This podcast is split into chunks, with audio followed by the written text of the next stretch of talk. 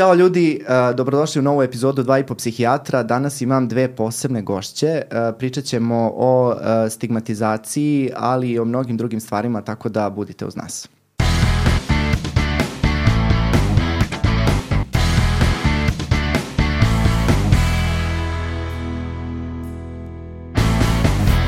Sa nama danas dve specijalne e, gošće. E, prva gošća je Bosiljka Brdar, ona je predsednica Udruženja Duša i druga gošća Mina Aleksić, predsednica Udruženja Prostor. Baš smo komentarisali pre, pre samog početka epizode predsednica jednog udruženja, predsednica drugog udruženja. Kaže Bosiljka, mi predsednice smo grlate, svašta volimo da pričamo, tako da sam se zbog toga ja najviše radujem ovaj, ovom razgovoru. Pa evo, Mina, hoćeš da krenemo od tebe da nam predstaviš u stvari šta je to udruženje Prostor i, i čime se to udruženje bavi. Da, udruženje Prostor je nastalo pre više od 10 godina, sad već, znači 2009. smo se osnovali i to smo koleginica koja isto umetnica tada bila kao i ja, e, otišla u specijalnu psihijatrijsku bolnicu u Vršcu i počela da držimo tamo kreativne radionice sa njihovim e, pacijentima koje smo tada zvali pacijenti, sad ih zovemo korisnici psihijatrijskih usluga i tako smo u stvari shvatili koju ulogu umetnost u stvari može da ima u životima ovih ljudi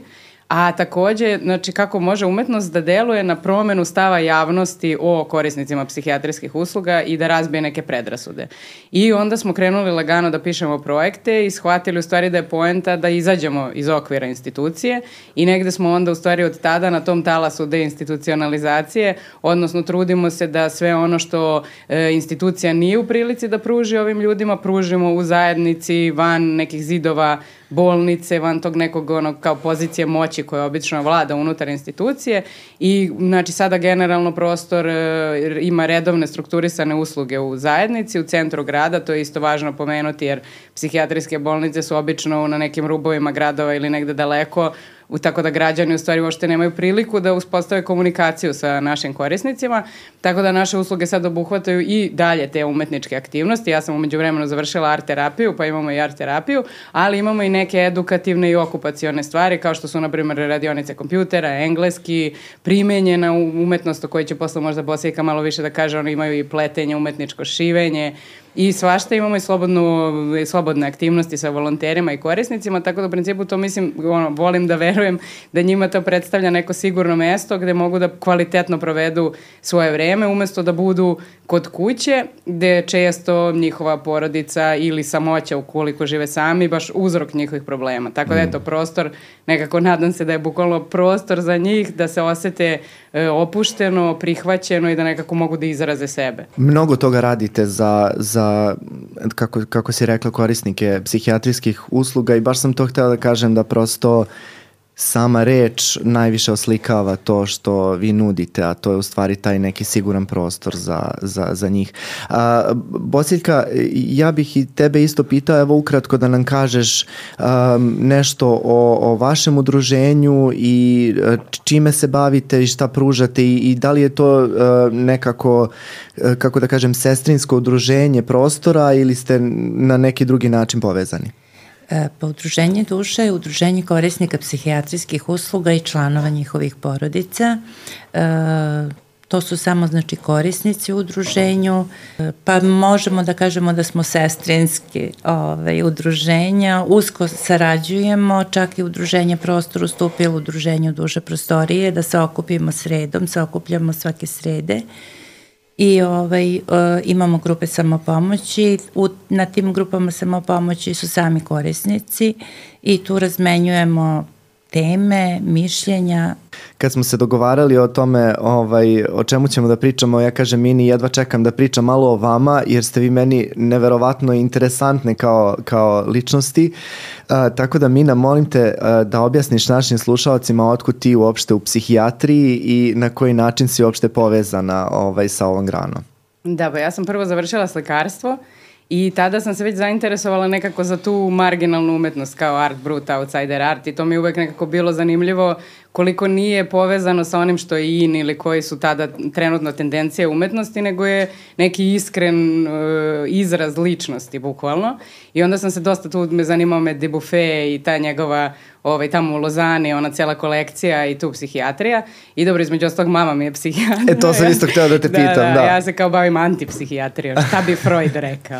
da. ovaj, ali u principu, ovaj, tako da verovatno odatle ta neka sloboda ka to toj oblasti. Znači nije mama nekako uticala na mene u tom smislu da je nešto sada na meni nametala, nego više kao eto kao to je nešto bilo meni onako ok, običajeno. Ni, nema, jer često ljudi imaju predrasude i strah od uopšte cele grane i od mentalnog zdravlja kao takvog i od ljudi koji su psihijatri jer kao plaši se da on nešto zna o tebi što ti ne znaš o sebi.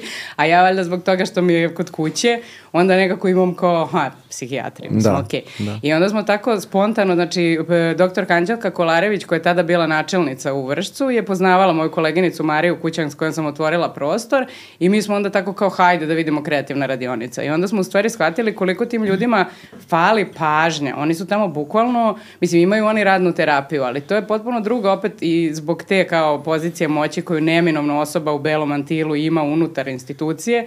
Mi kad smo od spolja došli, nešto se zainteresovali, ljudi su se toliko otvorili, to su bile veoma posećene radionice. Mi smo onda shvatili značaj koji ta umetnost može da ima njima pojedinačno na individualnom planu, a onda i kroz izložbe generalno da skrenemo pažnju javnosti. I tako sam ja krenula u tu priču i onda kao ajde da završim art terapiju kad već nisam, mislim, nekako život slikara mi nije bio, malo sam racionalnija od toga, nisam mogla da zamislim da kao budem umetnik u stvari. I onda sam eto tu sebe negde pronašla u tom nekom radu sa ljudima jer ja i držim i kreativne radionice sa klincima najobičnije, tako da generalno rad sa decom i ljudima koji imaju neki problem mi leži. Mm. I pogotovo što tu umetnost e, dolazi stvarno do izražaja, ona njena najosnovnija karakteristika, to je ta neka isceljujuća moć koju umetnost stvarno ima.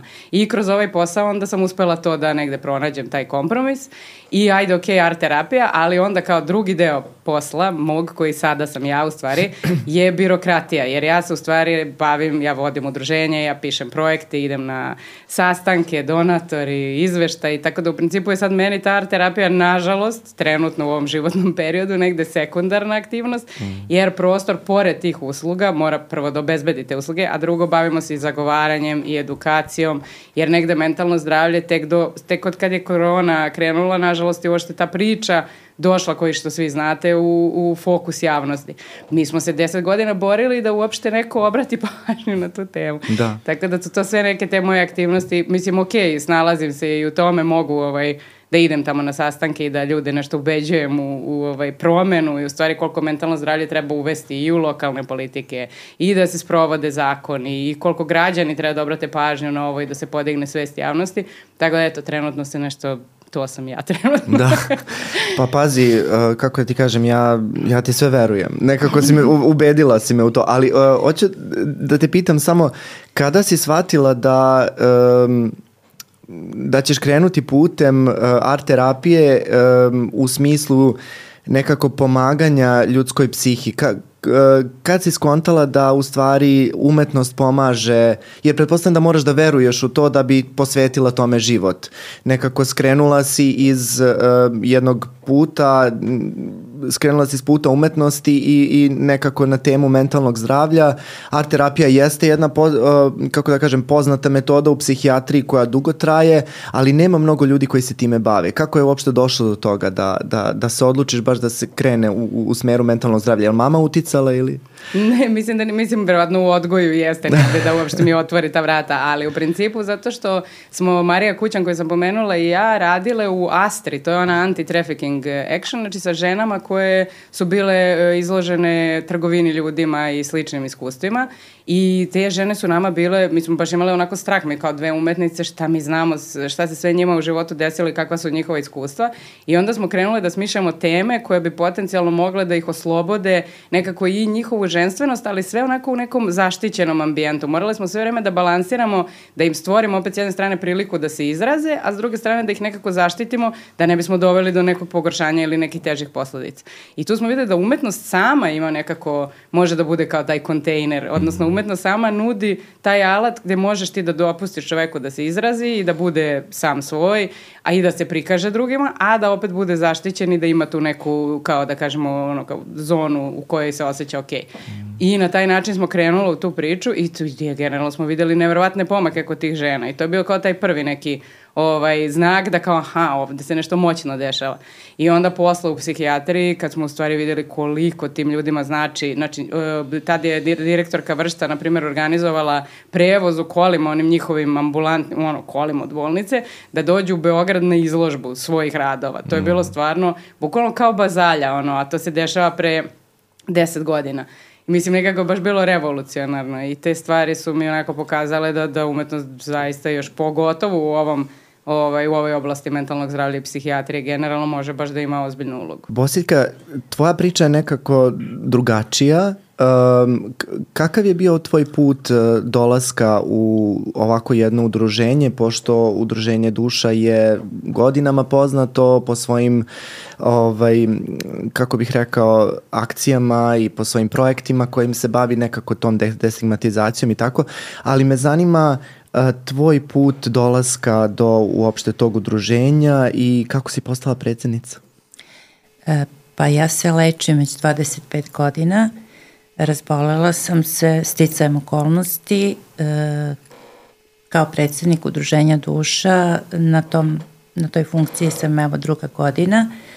A u udruženje duša sam došla 2011. godine. E, čula sam za to udruženje preko e, drugih korisnika koji su bili u udruženju i tako su počele ove, moje aktivnosti u udruženju duše. Znači ti si prvo bila korisnik udruženja pa onda i član ili I kako? korisnik psihijatrijskih usluga, član i sada sam predsjednik. Uh mhm. -huh. A jel možeš da podeliš sa nama um, koji su to problemi bili koji su u stvari doveli do toga da ti potražiš uslugu tako nekog tipa? E, pa moj, te, moj, po, moj život je bio jako težak. E, evo do sada sam imala pet velikih trauma. E, svaka trauma ostavi za sebe posledice i negde je moralo da se prelomi, negde je moralo to da se odrazi, odrazilo se na psihu. E, ali sam sretna jer i pored tih trauma i dalje imam osmeh na licu i nisu mogli da mi odozmu mene. Jako si lepo ovo rekla.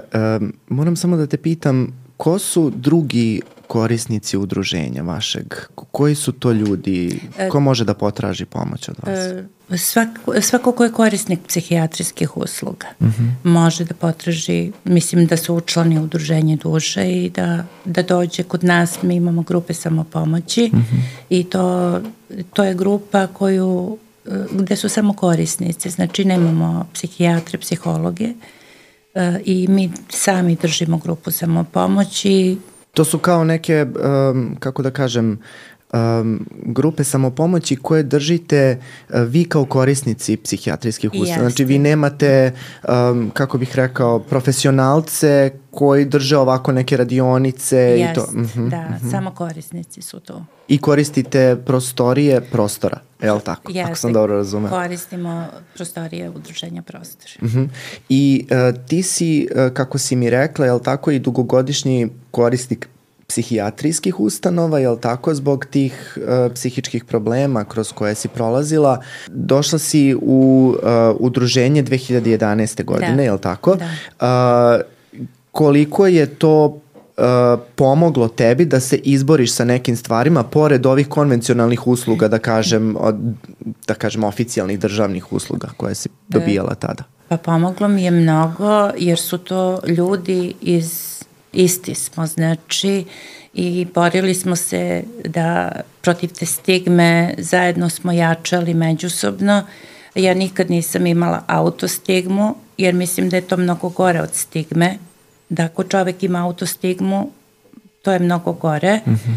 I borimo se, i evo i dan danas se Udruženje duša i ja borimo protiv te stigme. Mm -hmm. U kom uh, aspektu je najgora stigma? Rekla si imaju dve vrste stigme, odnosno autostigma, stigma prema sebi, je tako i stigma od strane okoline. Uh, nekako si naglasila to da je autostigma najgora stvar koja osobi može da se desi. Zašto to kažeš? E, pa jednostavno ja onog trenutka kada sam prihvatila svoju bolest i kada sam bila svesna da možda do kraja života ću morati da pijem lekove i kada sam jednostavno rekla sebi da ti jesi bolesna, ali to je bolest kao i svaka druga, onda je jednostavno ta autostigma nestala. E, nis, ne stidim se da kažem da sam korisnik psihijatrijskih usluga e, i nemam autostigmu. Imala sam i zato znam da, da je mnogo gore nego sama stigma. Mm -hmm.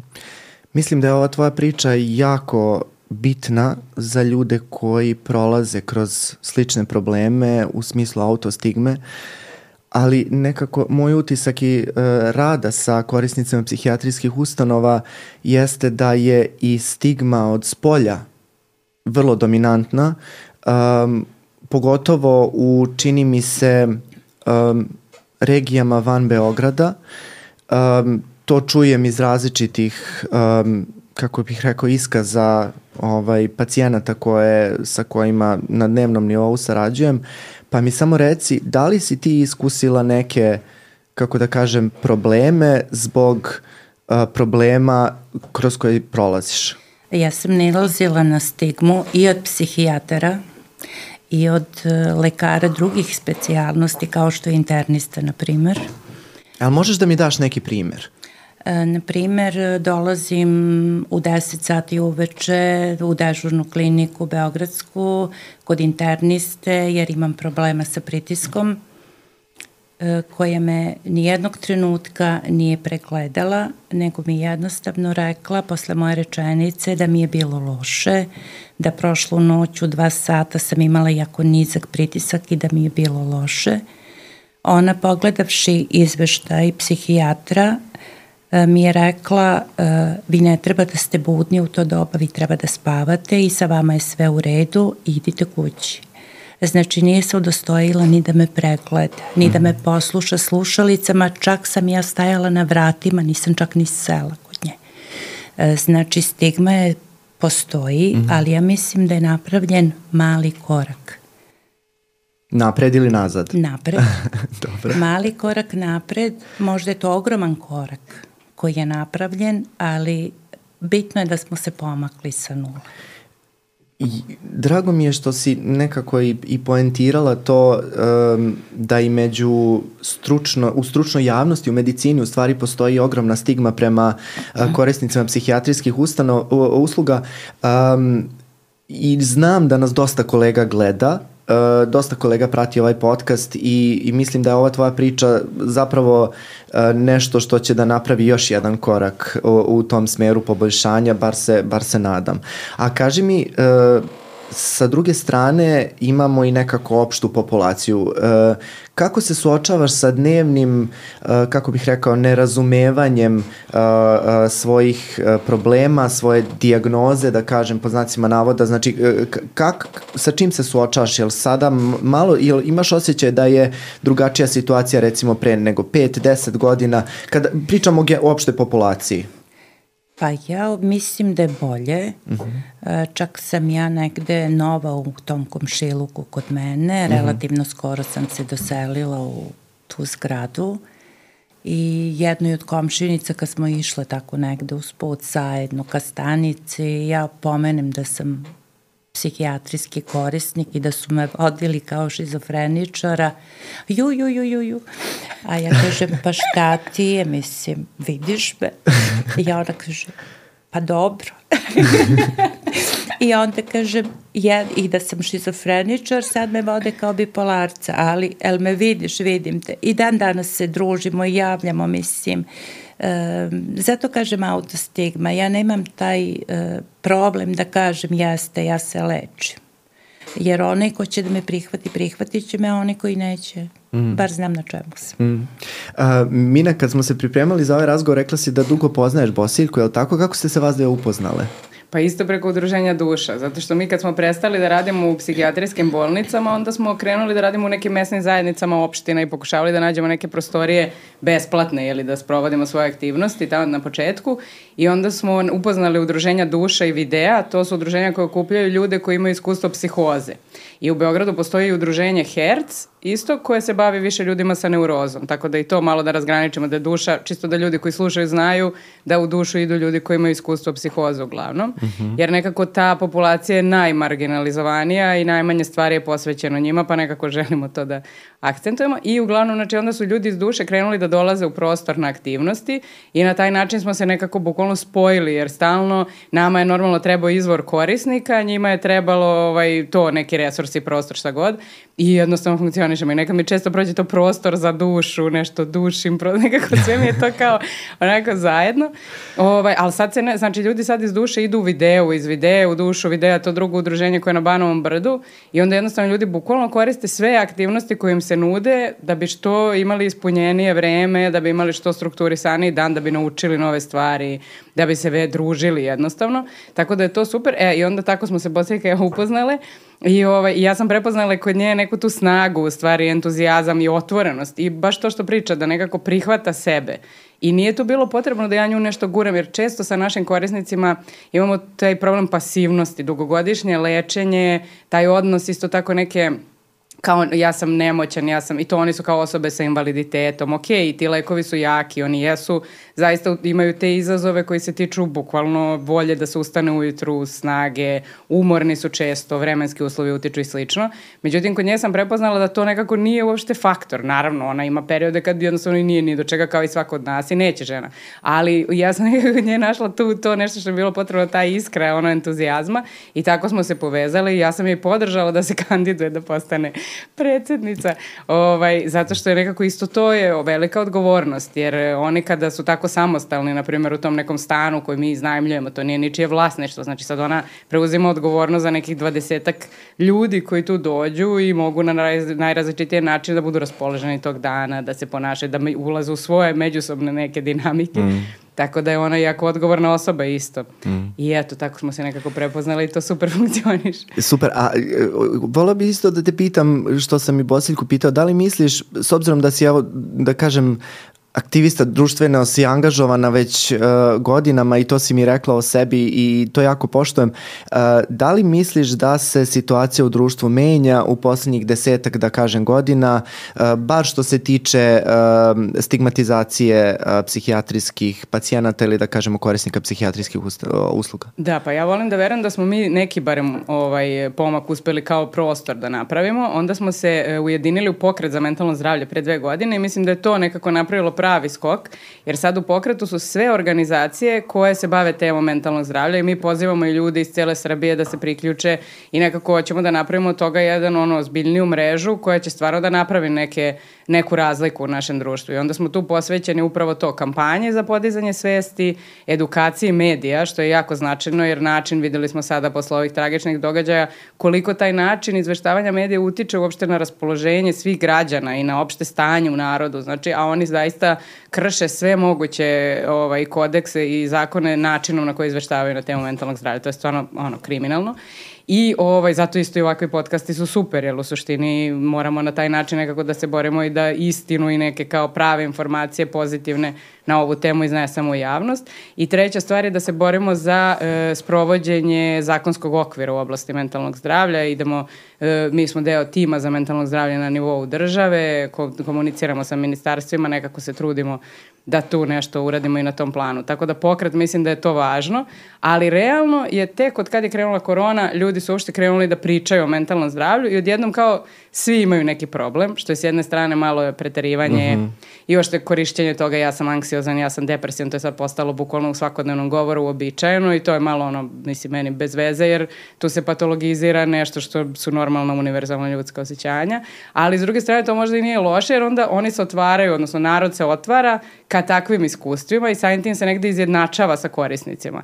Kaže, evo, ja sam tužan, on je tužan. Znači, to je samo pitanje intenziteta i dužine trajanja nekako univerzalno ljudsko osjećanja, razmišljanja, stavove, svi imamo i zato se mi trudimo da što više organizujemo događaje gde građani mogu da upoznaju naše korisnike, tipa otvorena umetnička radionica koja je sad bila u petak, građani prilaze, crtaju zajedno s korisnicima i na taj način s njima razmenjuju to što Bosiljka kaže, sretneš komšinicu i kažeš je, kao ja sam, kao ju, ju, ju, mislim, to je ta prva reakcija, ali to više nije ju, ju, ju, pa pobegne, nego sad već lagano ima neku želju možda da je upozna. Mm. Čini mi se da je bolje i nekako delim tvoje mišljenje, mada baš ovo što si napomenula, ljudi se otvaraju prema određenim stvarima, dakle otvaraju se prema toj anksioznosti, depresivnosti, prema nekim moram priznati i uh, cool dijagnozama, ako mogu tako da ih, da ih nazovem. Opet s druge strane, kada pričamo evo o, o iskustvima um, ljudi koji su imali psihotične, uh, psihotične elemente ili neka druga psihotična ispoljavanja, čini mi se da, da tu negde stagniramo i jako mi je drago što ste vas dve tu, jer se vi nekako uh, sarađujete najviše sa ljudima koji su imali takva iskustva i uh, ja nekako isto kao i ti živim u nekoj, u nekom nekom uh, utopijskom svetu gde mislim da će ova epizoda da promeni, da, da zapravo napravi neki ovaj korak napred i ovaj što se tiče što se tiče takvih ljudi. I sad samo mi ti reci da li si primetila evo recimo iz nekih ličnih priča vaših korisnika da sada ima neke razlike u odnosu na ranije, da li ta sada uh, kako da kažem komšinica malo manje ustukne kada joj se kaže ili je to zapravo sad i dalje isto?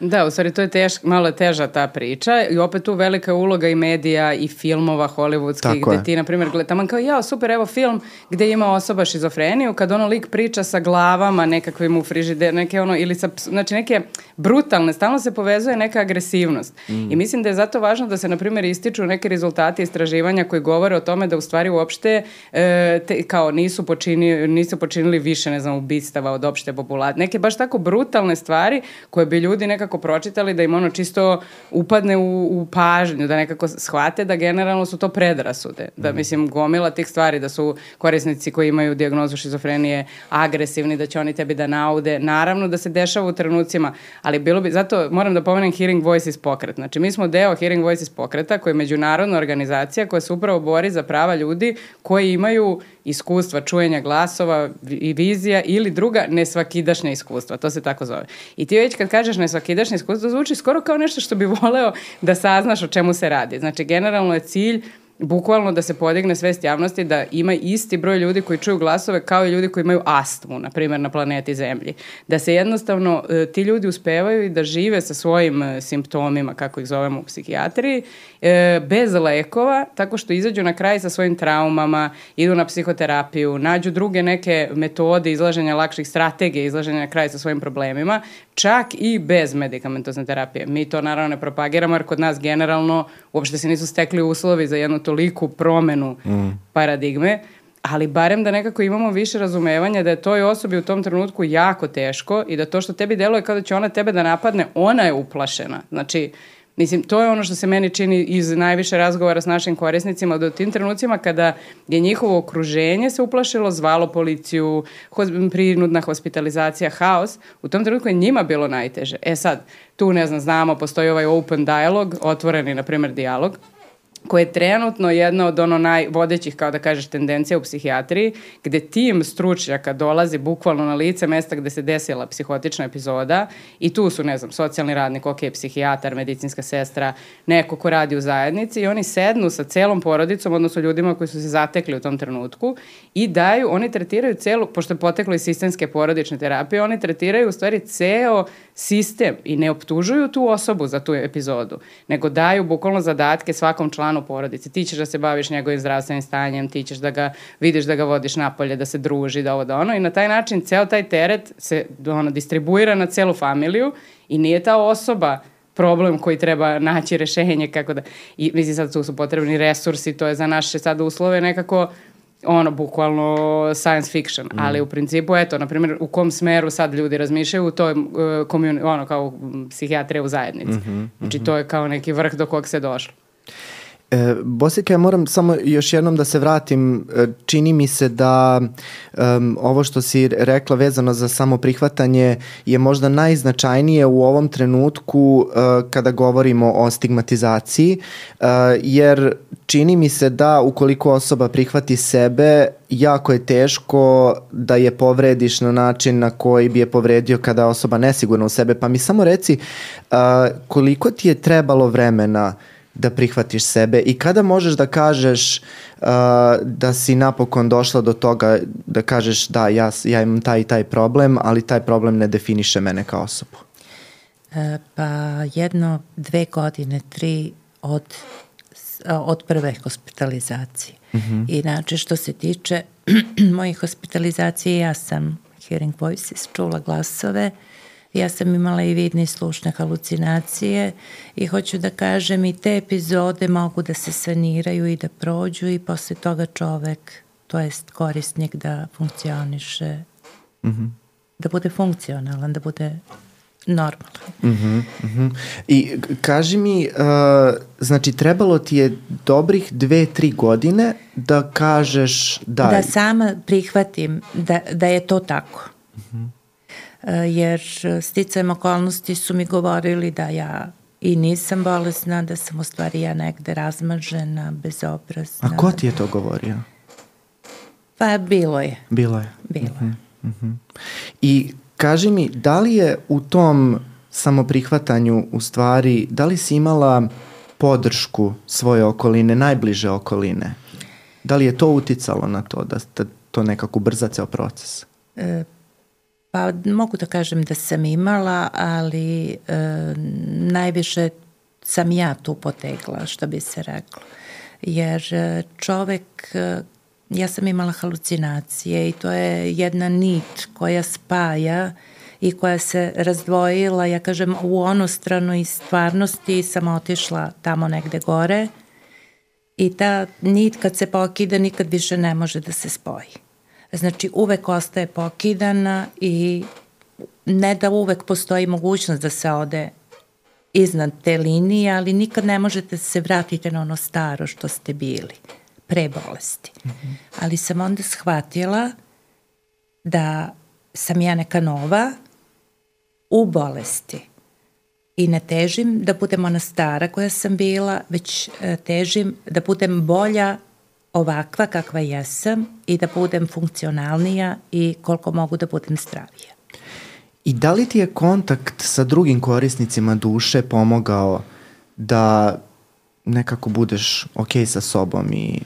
Pa jeste. Mm -hmm. Jeste.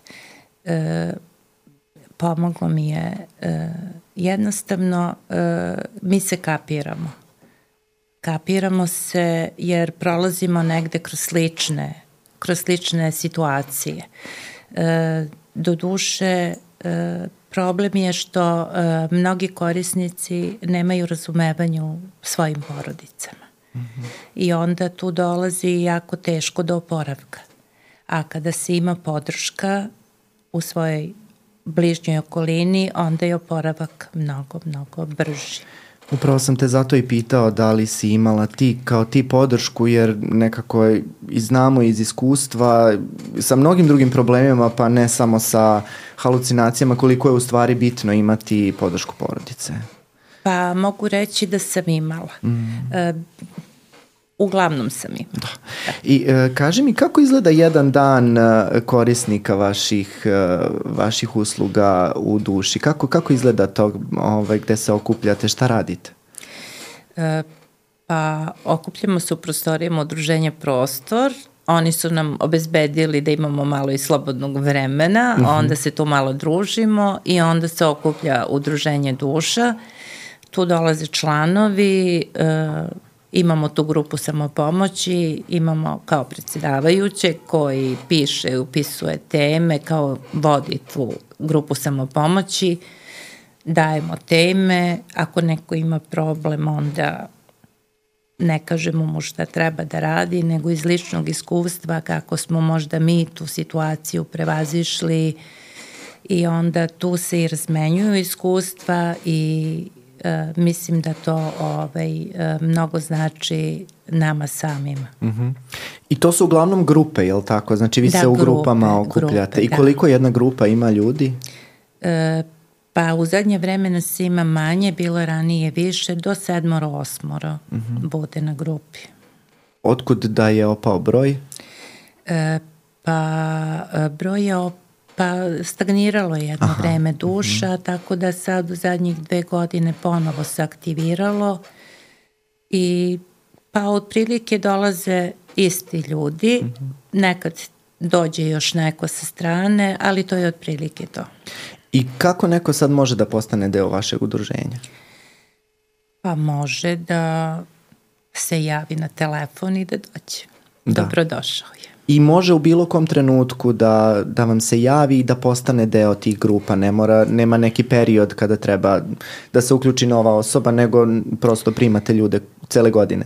Pa u principu primamo cele godine, ali imamo neki volim da kažem interni dogovor sa udruženjem prostor jer oni imaju socijalnu radnicu koja volim da ona prvo obavi razgovor sa sa novim korisnicima i čak i za udruženje duša, tako da eto, jedino to bih ovako izdvojila, ali bilo ko naravno od korisnika može da se javi i da postane član. E, Mina, ja bih volao samo još uh, tebe da pitam kako izgleda jedan dan u prostoru. Ka, čime, se, čime se vi najviše bavite? Ne mislim ovo, znam da si ti uglavnom sad baviš pisanjem projekata, birokratijom, ti ne kažem smaračkim stvarima, koje su zapravo možda, i, mislim, jako bitne za, za to, ali ovaj, znam da si jako kreativna i ovako ovaj, po prirodi uh, drugačija. I kako izgledao tvoj, tvoj uh, rad uh, dok si radila na terenu, da kažem, dok si radila sa korisnicima? Da, nisam ni planirala da više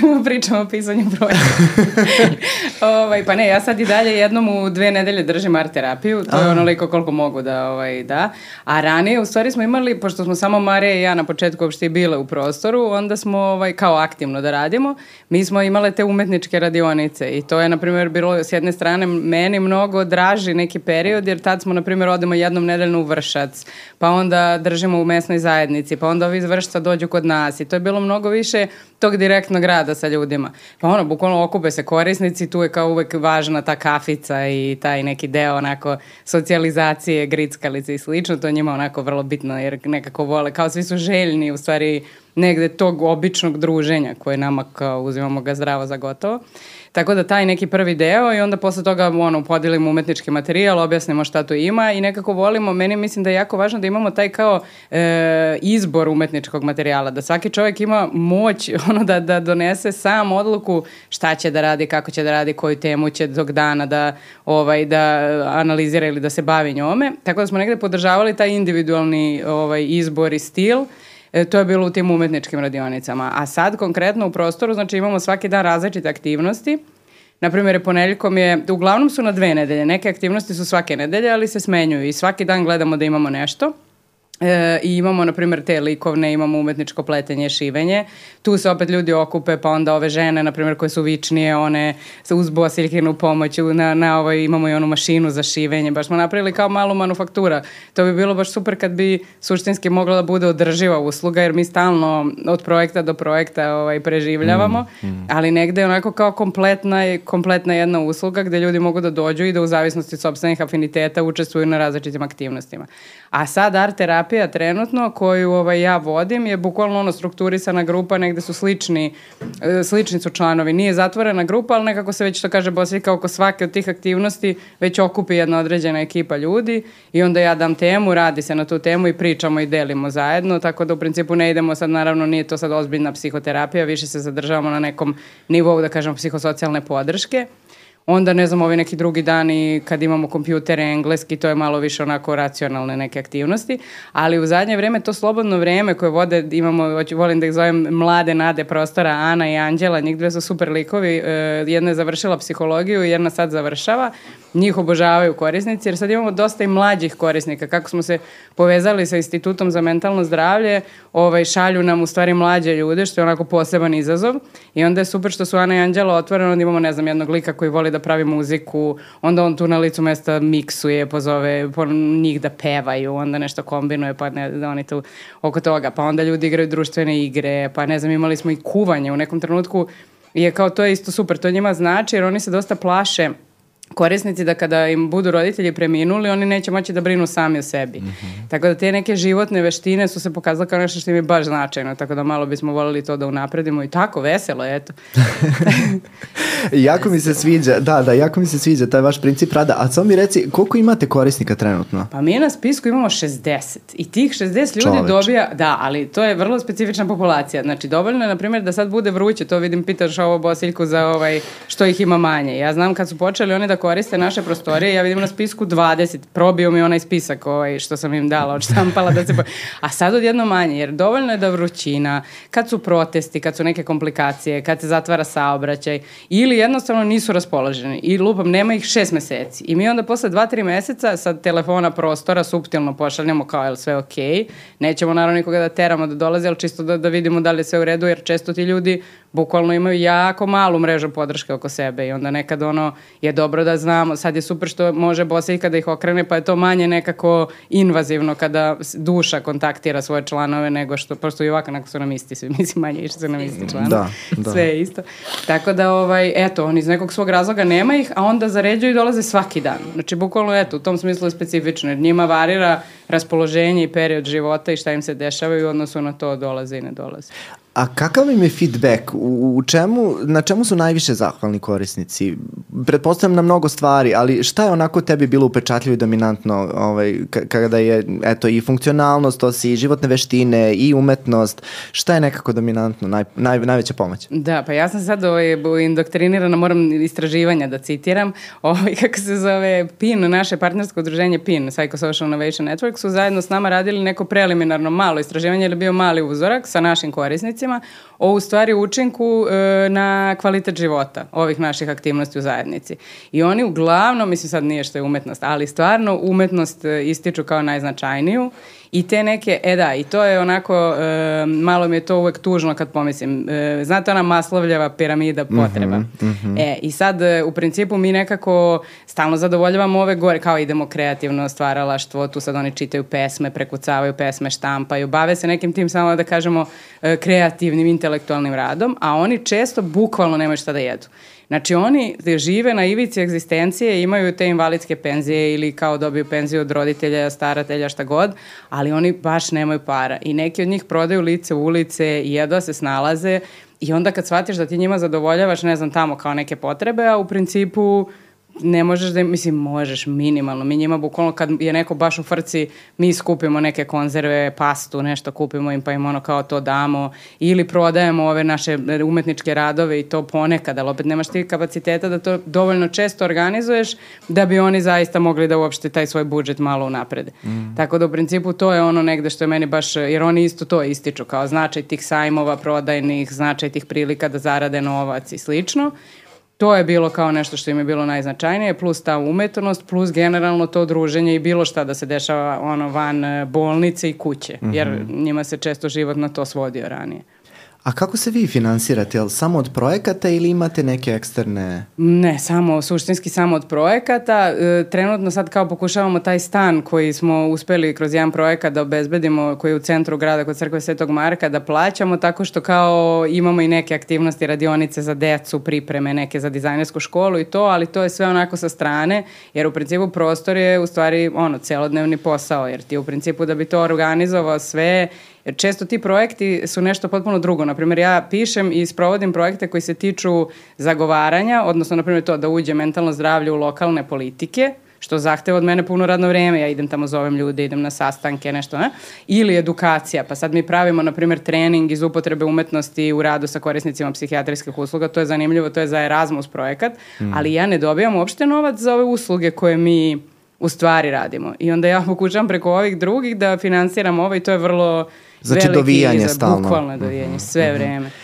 A jel imate neke donatore, da kažem, evo recimo ukoliko neko ko sluša danas ovaj podcast odluči da želi da nekako pomogne udruženju prostor ili udruženju duša ili na neki način doprinese, da li može tako na neki način da se pomogne? Pa tako bi moglo da se pomogne, to smo nešto sad u zadnje vreme smislili, to naravno ne može, ovaj veliki grantovi mogu da nam obezbede prostorije za rad, plate i slično, to ne mogu verovatno, ne znam, ako neko od ovih što imaju neke velike grantove sluša, super, javite se, ali ovaj, ne to, nego više sam mislila sad kad si, na primjer, pomenuo Grand kafu. Uh mhm. -huh. Korisnici do iznemoglosti piju kafu. Na primjer, nama je veliki trošak su nam ta osveženja, kafa, ne znam, grickalice raznih vrsta i te neke stvari. Tako da eventualno to nešto bi bilo ok, da ta neka društveno odgovorna preduzeća ako mogu da se jave, da pomognu u tom smislu i to je onda deli duša i prostor, pošto imamo istu zajedničku kuhinju, ovaj, to bi bilo stvarno ok, te neke firme onda ne znam isto laptopovi, na primjer, donatori više uopšte neće finansiraju opremu. A imam, na primjer, dođe na radionicu kompjutera 12 korisnika, ja imam tri laptopa. Znači, hmm. bukvalno je to malo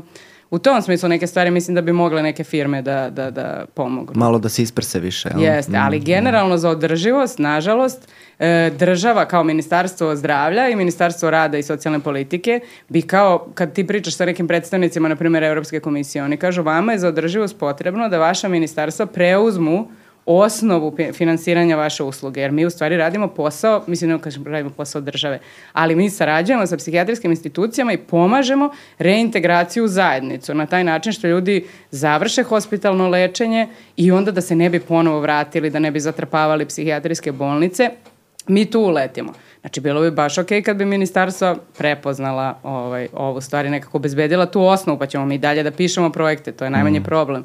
Ali da budemo sigurni da će ova usluga da nastavi da postoji. Mm. Mislim, imamo centre za mentalno zdravlje pri psihijatrijskim institucijama i to je lep korak, ok, ali nekako civilno društvo ima potpuno drugu perspektivu, drugi način rada i sami korisnici prepoznaju to koliko mi drugačije radimo nego ljudi u instituciji. Niko mm. neće kaže da ne valja, neko to nekako treba da ide paralelno i da funkcioniše zajedno.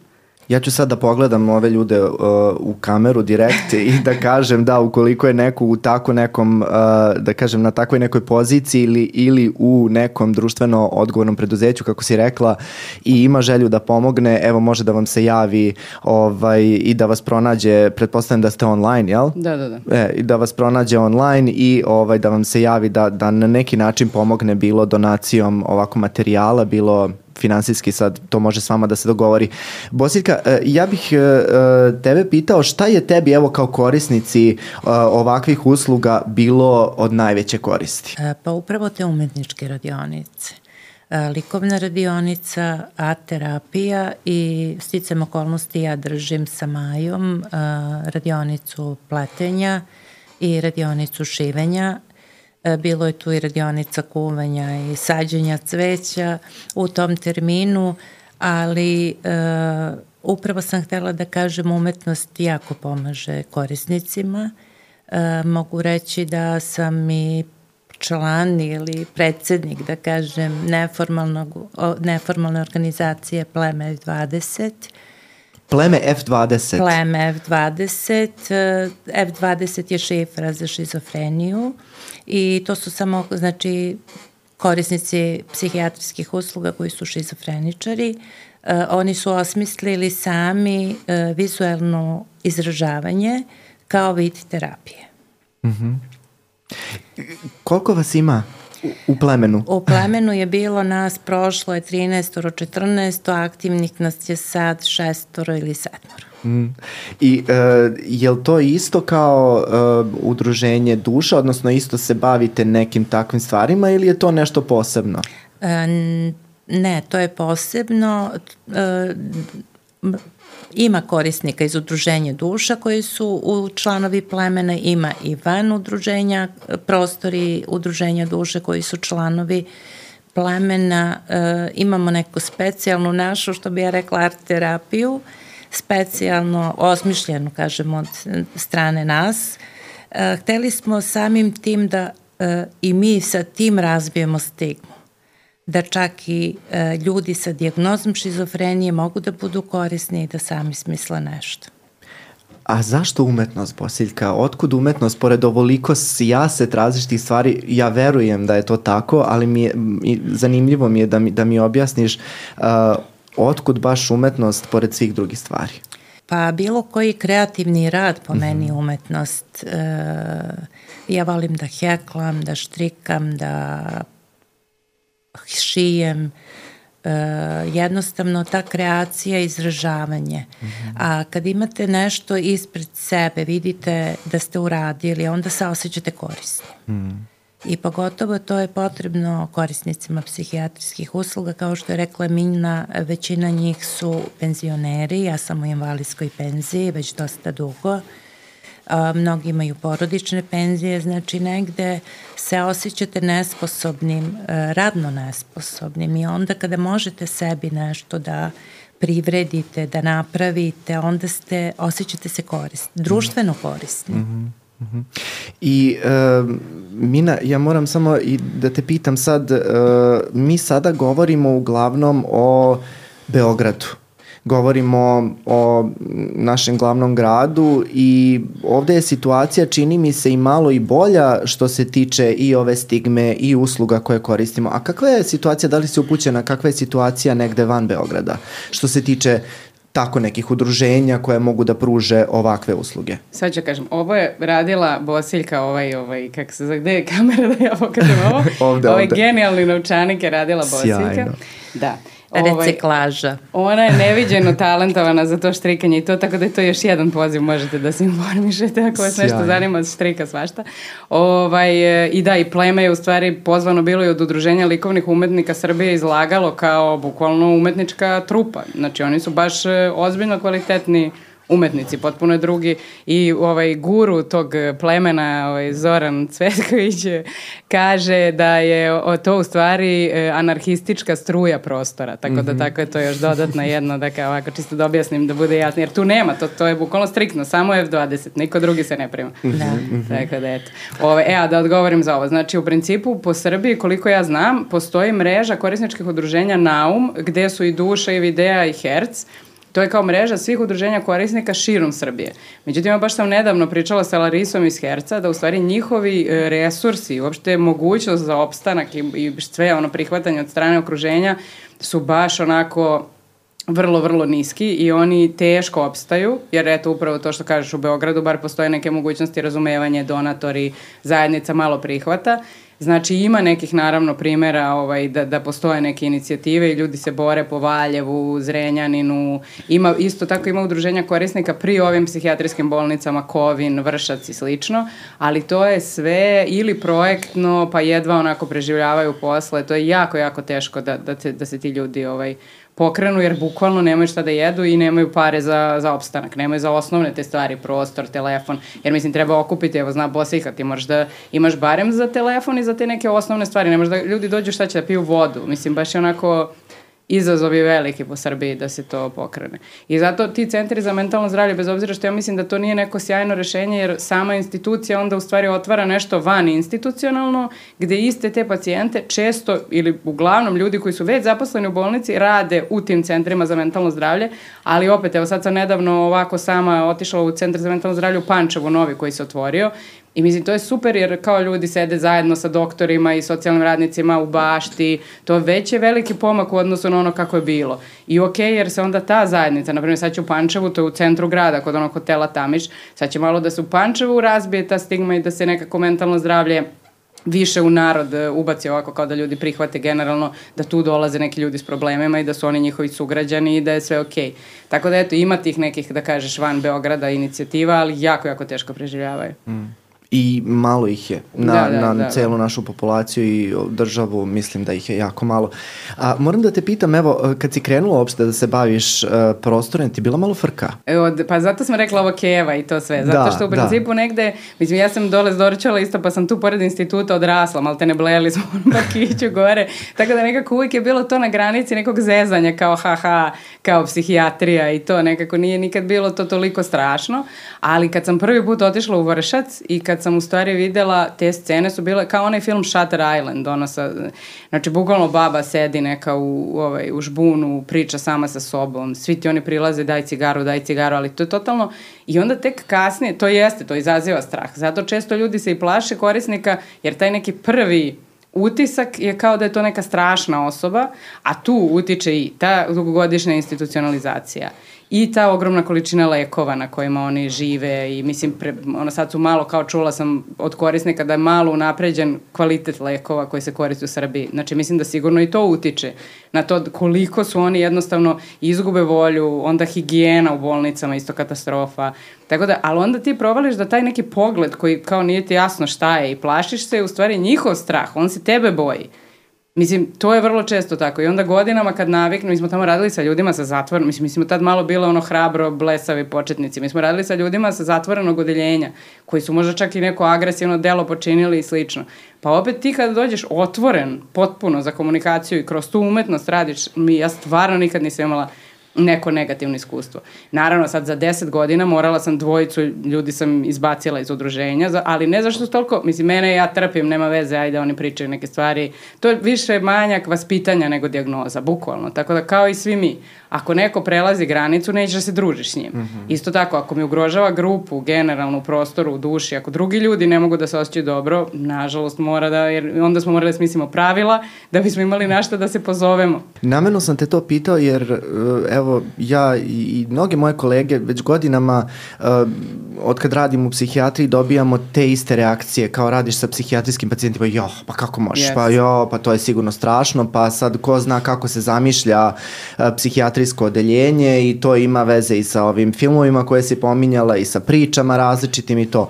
Ali upravo sam te zato i pitao kakva su tvoje iskustva? Znači ti evo sa decenijama iskustva rada sa psihijatri, korisnicima psihijatrijskih usluga imaš dva uh, slučaja gde si morala da reaguješ i to pretpostavljam samo kao isključivanjem iz, uh, a ne pozivanjem policije ili šta ti ja znam, ovaj, neke stvari to, tog da. tipa. Pa da. Da. Ovaj, uh, Bosika, uh, ti si mi uh, rekla uh, ovaj, da si, kad sam te upoznao, kažeš ja sam poglavica plemena F20, da. da, to mi je bilo vrlo simpatično.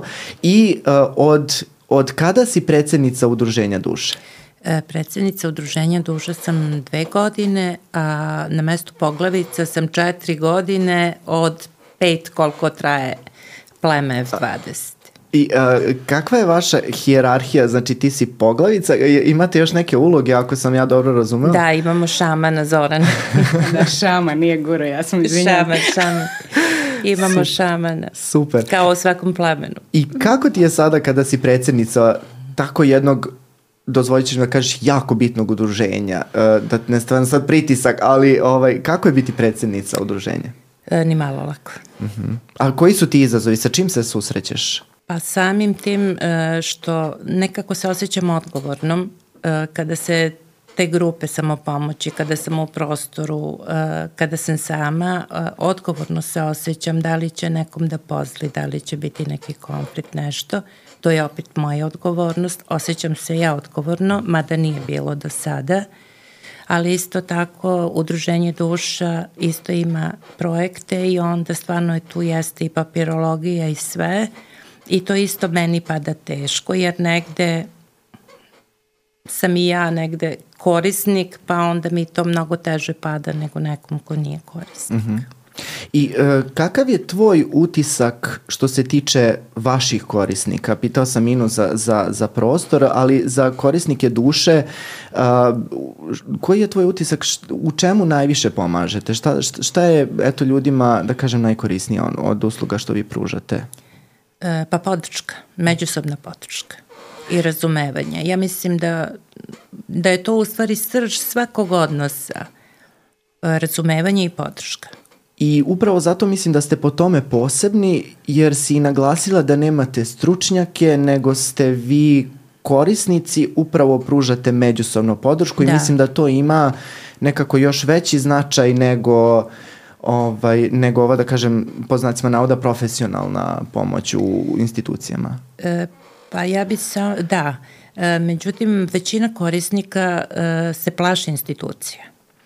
E, ja nemam tih problema sa mojim psihijatrom da kažem kako se osjećam psihički, kako se osjećam fizički, kako se osjećam emotivno, duševno, jer mislim da je to ceo sklop moje ličnosti, mojih osjećanja i mojih osjećanja I jednostavno ja se ovako kao na dlanu otvorim svom psihijatru i ona onda zna negde male neke sitne korekcije u terapiji da napravi i jednostavno me razume. Međutim, većina korisnika se plaši da to kaže iz uh, straha da ne bi opet otišao na stacionar ili iz straha da mu ne bi povećali terapiju. Mm -hmm. Znači, imala sam ja psihijatra sa kojim niste mogli da se dogovorite oko korekcije terapije i zato postoji strah kod korisnika. Ali e, ima i psihijatara koji e, su otvoreni za saradnju, kako da kažem. Jer jako je bitno, ako psihijatar meni priđe kao čoveku, kao osobi, a ne kao korisniku.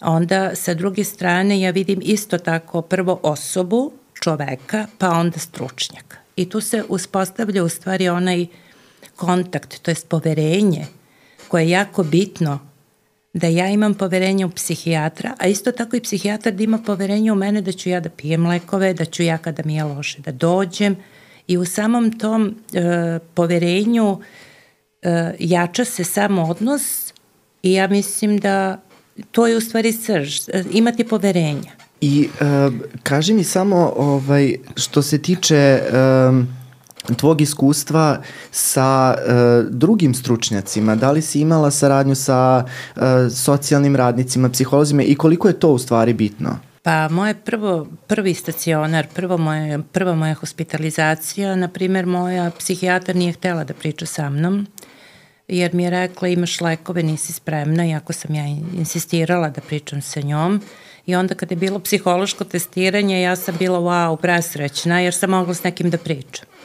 E, tako da m, mislim da je jako bitno imati sa kim da se, da se priča i socijalni radnik i psiholog i psihijatar ali kažem mora da se mora korisnik da, e, da oseti sigurnost neku mm.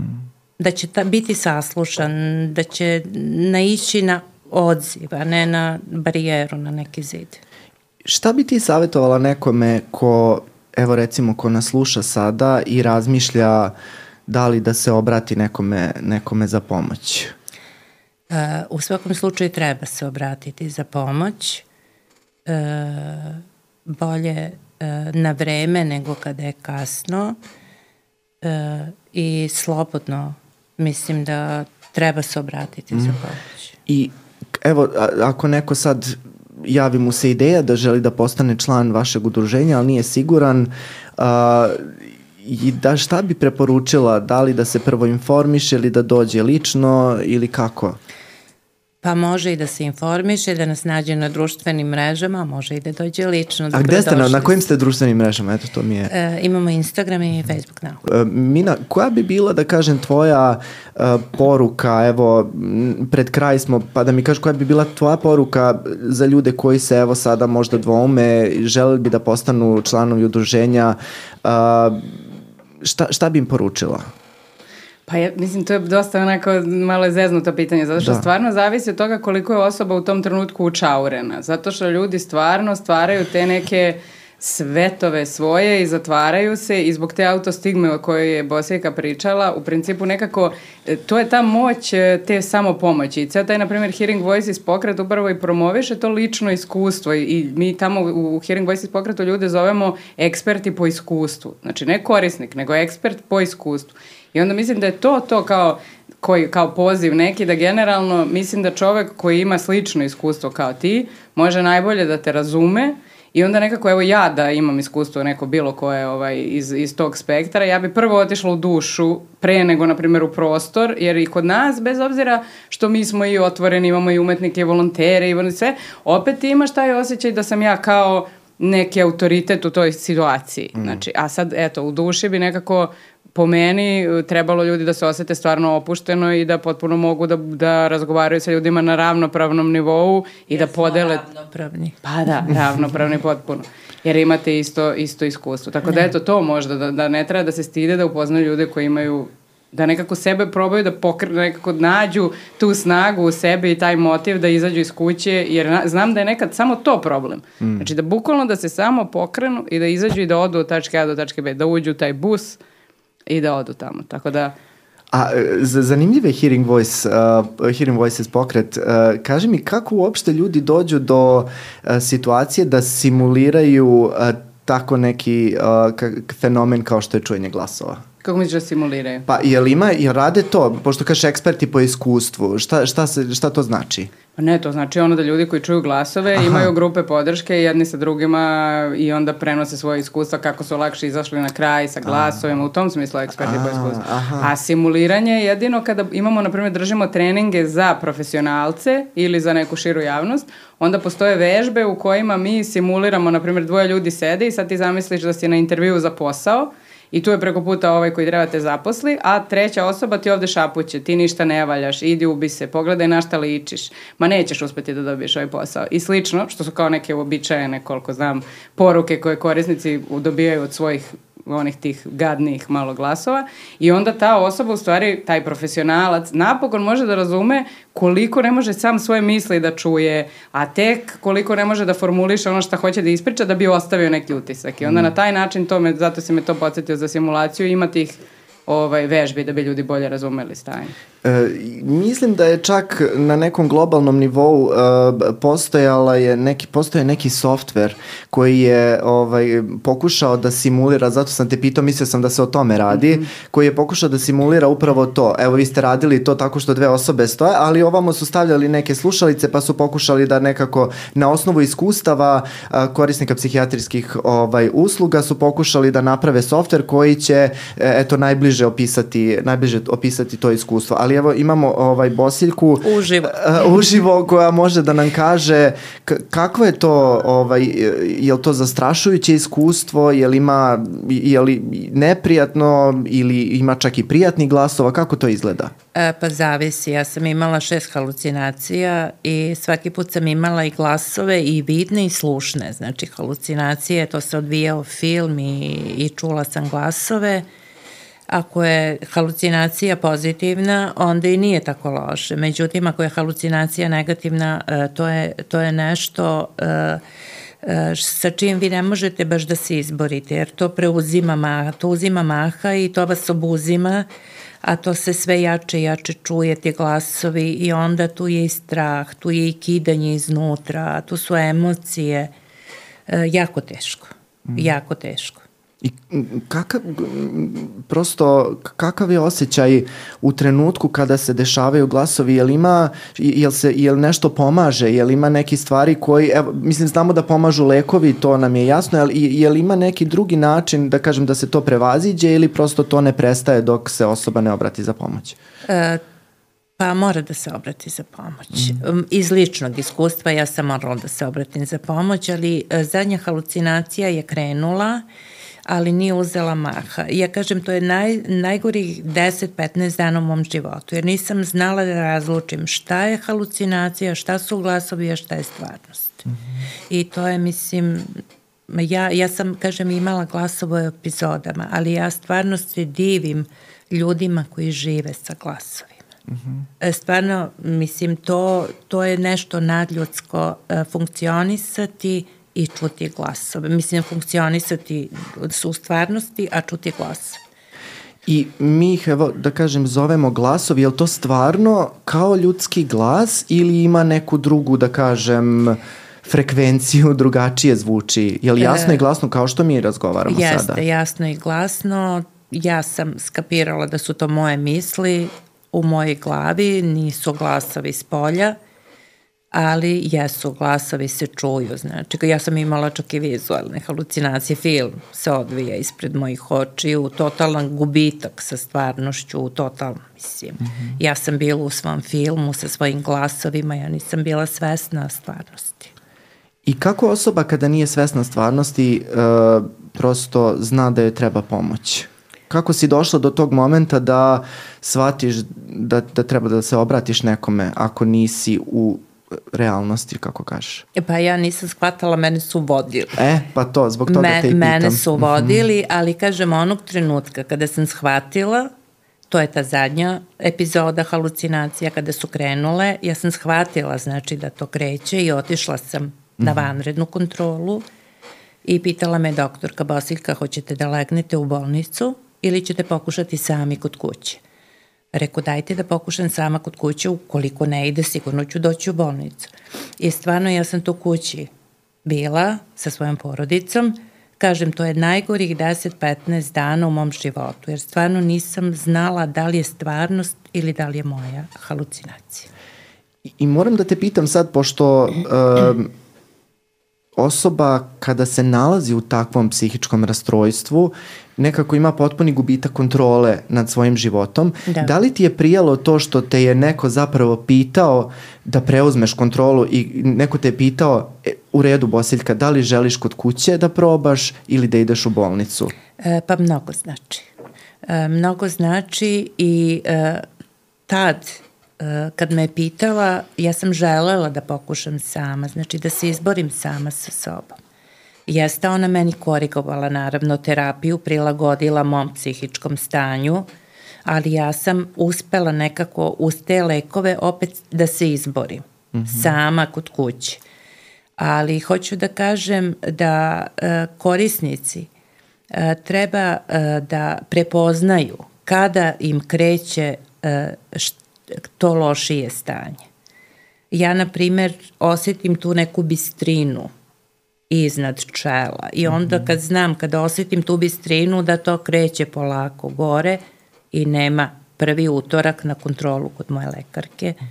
S tim što tada izbacim antidepresiv odma i prvi utorak na vanrednu kontrolu. Mm -hmm. Znači negde korisnik mora da bude samosvestan, svestan svog stanja u kom se na psihičkog stanja u kom se nalazi. Kaže mi, šta te najviše povređuje kada ljudi govore? Zato što imam nekako utisak, mnogi ljudi iz nehata uh, iskoriste neku reč koja može da bude uvredljiva ili uh, urade nešto što nije, da kažem, uh, u okvirima nečega što, što bi nekome ko koristi psihijatrijske usluge bilo okej. Okay. Šta je tvoje iskustvo, šta te najviše povređuje, da li kada neko kaže, ah, ne znam, šizofreničar ili psihijatrijski bolesnik ili uh, da li imaju neke reči tu koje bi trebalo da prestanemo da koristimo? Mislim da bi neke osobe i prestale, samo im treba dati uh, do znanja šta je to što povređuje. E, ludak. Mm. Možda ludak. Nenormalan Ti si u jednom trenutku iskoristila reč uh, šizofreničar, da. takođe. I bipolarac. I bipolarac. Da li, mi, da li bi, bi ti to bilo povre... Mislim, ti to kažeš iz, iz svojeg nekog ugla, ali kada bi neko na ulici iskoristio tu reč ili neko koga ne poznaješ, kako bi se osjećala? E... Jel bi ti bilo okej okay to? Meni lično da. Mhm. -huh. Ja kažem, ne stidim se svoje bolesti, nemam autostigmu, um, možda Pa mislim da bi mi bilo ok, jer se ne stidim svoje bolesti. Mm. Ali e, većina korisnika negde osjećaju mnogo veću stigmu i mnogo veću autostigmu i možda bi njih tako nešto mnogo više povredilo nego mene.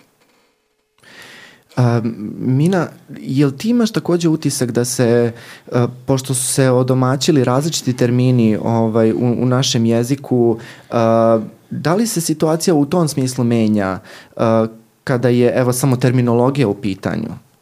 Pa ja ne znam, evo sad smo imali baš kao neku reakciju kao pokret za mentalno zdravlje, neki, neki portal je objavio neki brutalan članak, znači prvo napisan strašno, a drugo piše psihijatrijski pacijenti haraju gradovima i ubijaju ljude, znači ja čitam, mislila sam da neko kao ono news zezanje, ono mm. neko, ne. kad ono stvarno i onda smo mi ovaj pisali smo žalbu i ovaj i uvažili su nam tu žalbu što je isto bilo divno tako da su oni morali to da povuku i šta ja znam ali u principu eto znači što se tiče tih ozbiljnih kada kažemo ozbiljnih problema s mentalnim zdravljem znači iskustva psihoze ili kako god i dalje mislim da je ta terminologija tako. Možda stvarno ovo što kaže najgore, mi smo zato imali kampanju da li ste vi normalni. Upravo te zbog toga e, i pitam. I tu smo, da. pitali, tu smo pitali same korisnike da li je njima ok da mi tako nazovemo kampanju i oni su rekli pa ne pitate nas da li smo normalni nego kao sve druge. tako da ovaj, u tom principu, u to, po tom principu smo mi razmišljali ovaj, kao da malo preispitamo jer svi svakodnevno koristimo tu reč normal, ja nisam normal, ja obre nisi normalan, a u suštini kada to tako koristimo u tom kontekstu zaista može da bude uvredljivo i diskriminira, šta je normalno? Mislim, ko je odredio uopšte? Me, to je još jedna od motivacija koja mene u stvari vuče napred e, preispitivanje toga ko je od, odlučio šta znači normalno, kako mi treba da se ponašamo. Po meni nije normalno da neko radi ono u banci od 8 do 6 i da onda ode kući i da i dalje radi i da ne, svoju porodicu ne primećuje i da ne znam, meni to nije normalno.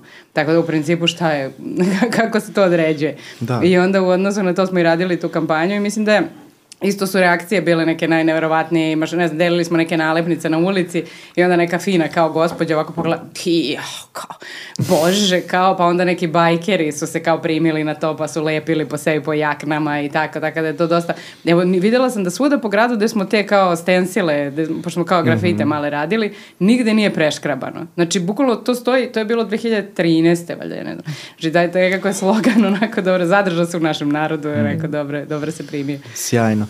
A, e, evo, nekako privodimo e, epizodu kraju i e, ono što nam je, da kažem, tradicija jeste da preporučimo našim slušalcima nešto što vi smatrate da bi im bilo korisno da prosto da saznaju više o ovoj temi danas koje smo pričali, a pričali smo mnogo tema. Da li imate, eto, evo ti Bosiljka, neki uh, film, knjigu, seriju, nisam vas pripremio, izvinjavam se za, ovaj, za ovo pitanje, ali ovaj, prosto uh, da li imate nešto što biste preporučili da, da mislite da bi ljudima bilo korisno? E, ja mislim da ima snimak predstave Priče iz duše, to je radilo Udruženje duša sa Verom Erac. Mm -hmm E, mislim da ima snimak na YouTube-u, mislim da bi bilo korisno da, da pogledaju i tu smo dosta rekli. U, stavit ćemo link u opisu ovog videa i slažem se apsolutno sa tobom, mislim da bi bilo jako korisno. Mina? Pa svašta, znači prvo da e, profesionalci pogledaju, generalno googlaju Hearing Voices pokret i da vide koliko drugačije može da se pristupi ovaj, celoj ovoj priči i celoj temi i kako je to već baš on ozbiljno razvijen jedan pokret u celom svetu, ima puno materijala koji zaista dokazuju da ljudi mogu da napreduju, da potpuno ozdrave, da bukvalno promene svoje živote i to što je rekla Bosika, to mi je bilo super da kao sad nisam ja, ne težim da budem ona stara, nego da budem ja, ja sad bolja, i u ovom nova, sad, nova bolja, mm -hmm. tako je. Mm -hmm. Onda druga stvar, šta sam nešto htjela, možemo da podelimo strategije za bolje izlaženje na kraj sa glasovima koje smo mi prevodili, to su radili u, ovaj, iz engleske mreže isto Hearing Voices. To je zanimljivo. E, onda za art terapiju, pošto mislim da i dalje nema baš razumevanja ovaj, i dalje i u društvu i ovako kao art terapija se nekako ne shvata dovoljno ozbiljno. Ja sam onako se dosta, dosta sam učila i polagala i diferencijalne ispite i sve živo, tako da nekako mislim da i umetnici mogu da budu art terapeuti jer razumeju tu moć umetnosti i sve to, tako da mislim neka bilo koje informacije vezano za art terapiju su isto korisne, a pogotovo sad postoje baš kao smernice ovaj, o tome kako baš art terapija i kognitivno i behavioral, behavioralna mogu da budu od najveće koristi za ljude sa iskustvom psihoze. To su kao baš nedavne istraživanja pokazala, tako da je to super. Ja bih volio da napravimo uh, ti ja jednu posebnu epizodu koja će se baviti art terapijom, mislim da je to sjajno. A samo mi reci, uh, koliko ima uopšte uh, umetnika koji se bave art terapijom? Jako malo. I ja, to je sad moja misija, jer u principu po meni psiholozi uz dužno poštovanje, kada uzmu da crtaju i da rade art terapiju, uh, mislim, zašto onda oni ne idu na diferencijalne ispite iz, uh, sa likovne, na likovnoj akademiji, ko što sam ja išla na, ovaj, da. iz psihologije. Tako da u principu mislim da tu negde bi trebalo umetnici da se malo više onako ohrabre, da i oni, naravno ne sad svi umetnici, moraš da imaš ipak neki afinitet i definitivno moraš da završiš neki ispit iz psihologije, jer inače stvarno ne možeš da znaš uopšte ni kako se razvija ljudska psiha, ni ništa od, ono, u principu nije okej okay da sad svaki umetnik dođe i radi takve radionice, ali eto, znači art terapiju, mislim, volela bi da to bude isto jedna od mojih misija da ispromovišem na likovnoj akademiji, da se ljudi više u ovom pravcu edukuju nakon akademije. Da. Uh, hvala vam. Mi, meni je bilo sjajno sa vama. Nadam se da je vama bilo, bilo lepo ovaj, u dva i po psihijatra. Hvala vam što ste došli i mislim da smo mnogo važnih poruka danas poslali. Hvala. Uh, ljudi, ovde je kraj naše epizode. Um, ako vam se svidela epizoda, molim vas, lajkujte, šerujte, uh, subscribeujte se na naš kanal. Uh, hvala vam što ste i danas bili sa nama. Ćao!